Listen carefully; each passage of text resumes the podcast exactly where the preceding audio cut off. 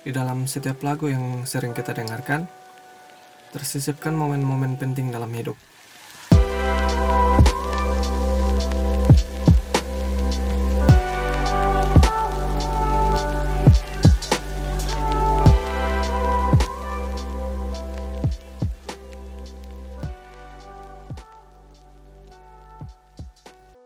Beragam kisah menempel pada setiap nada atau lirik yang bisa kita rasakan.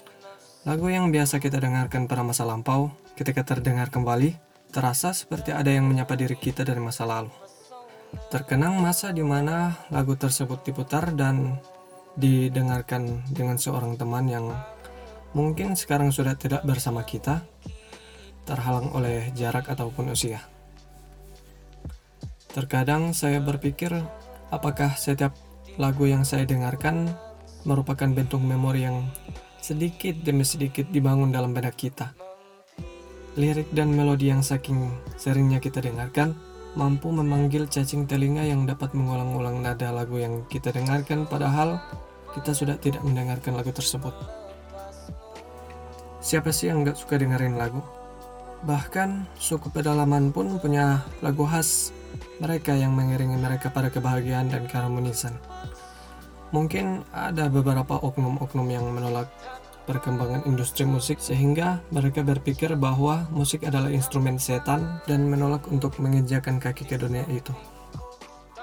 Gua sebagai anak indie atau yang lebih dikenal sebagai penikmat senja ya pas dengerin ada oknum yang ngomongin kayak gitu langsung muncul argumen yang mengatakan kalau orang emang gak pernah dengerin musik dari lahir apa gimana gitu atau dia dengerinnya cuman lagu metal rock terus langsung mutusin buat gak mau dengerin satu lagu pun sejak itu.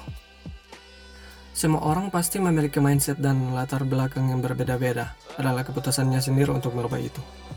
Dan selera lagu gue pribadi itu lebih dominan ke arah akustik dan lo-fi jazz. Pernah gak sih kalian ngalamin kondisi di mana pas dengerin satu lagu terus langsung kepikiran kalau lagu itu yang sering gue dengerin pas dulu bareng someone. Dan mungkin someone itu adalah seseorang yang amat penting. Mungkin sering kali kita ngalamin keadaan seperti itu.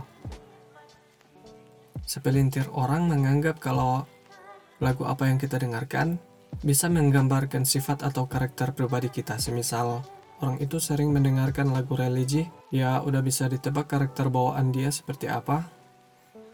Dan jika dia sering mendengarkan lagu indie folk, dia bisa dikatakan orangnya rada slow dan nongkrongnya di cafe sore hari sembari meneguk secangkir kopi.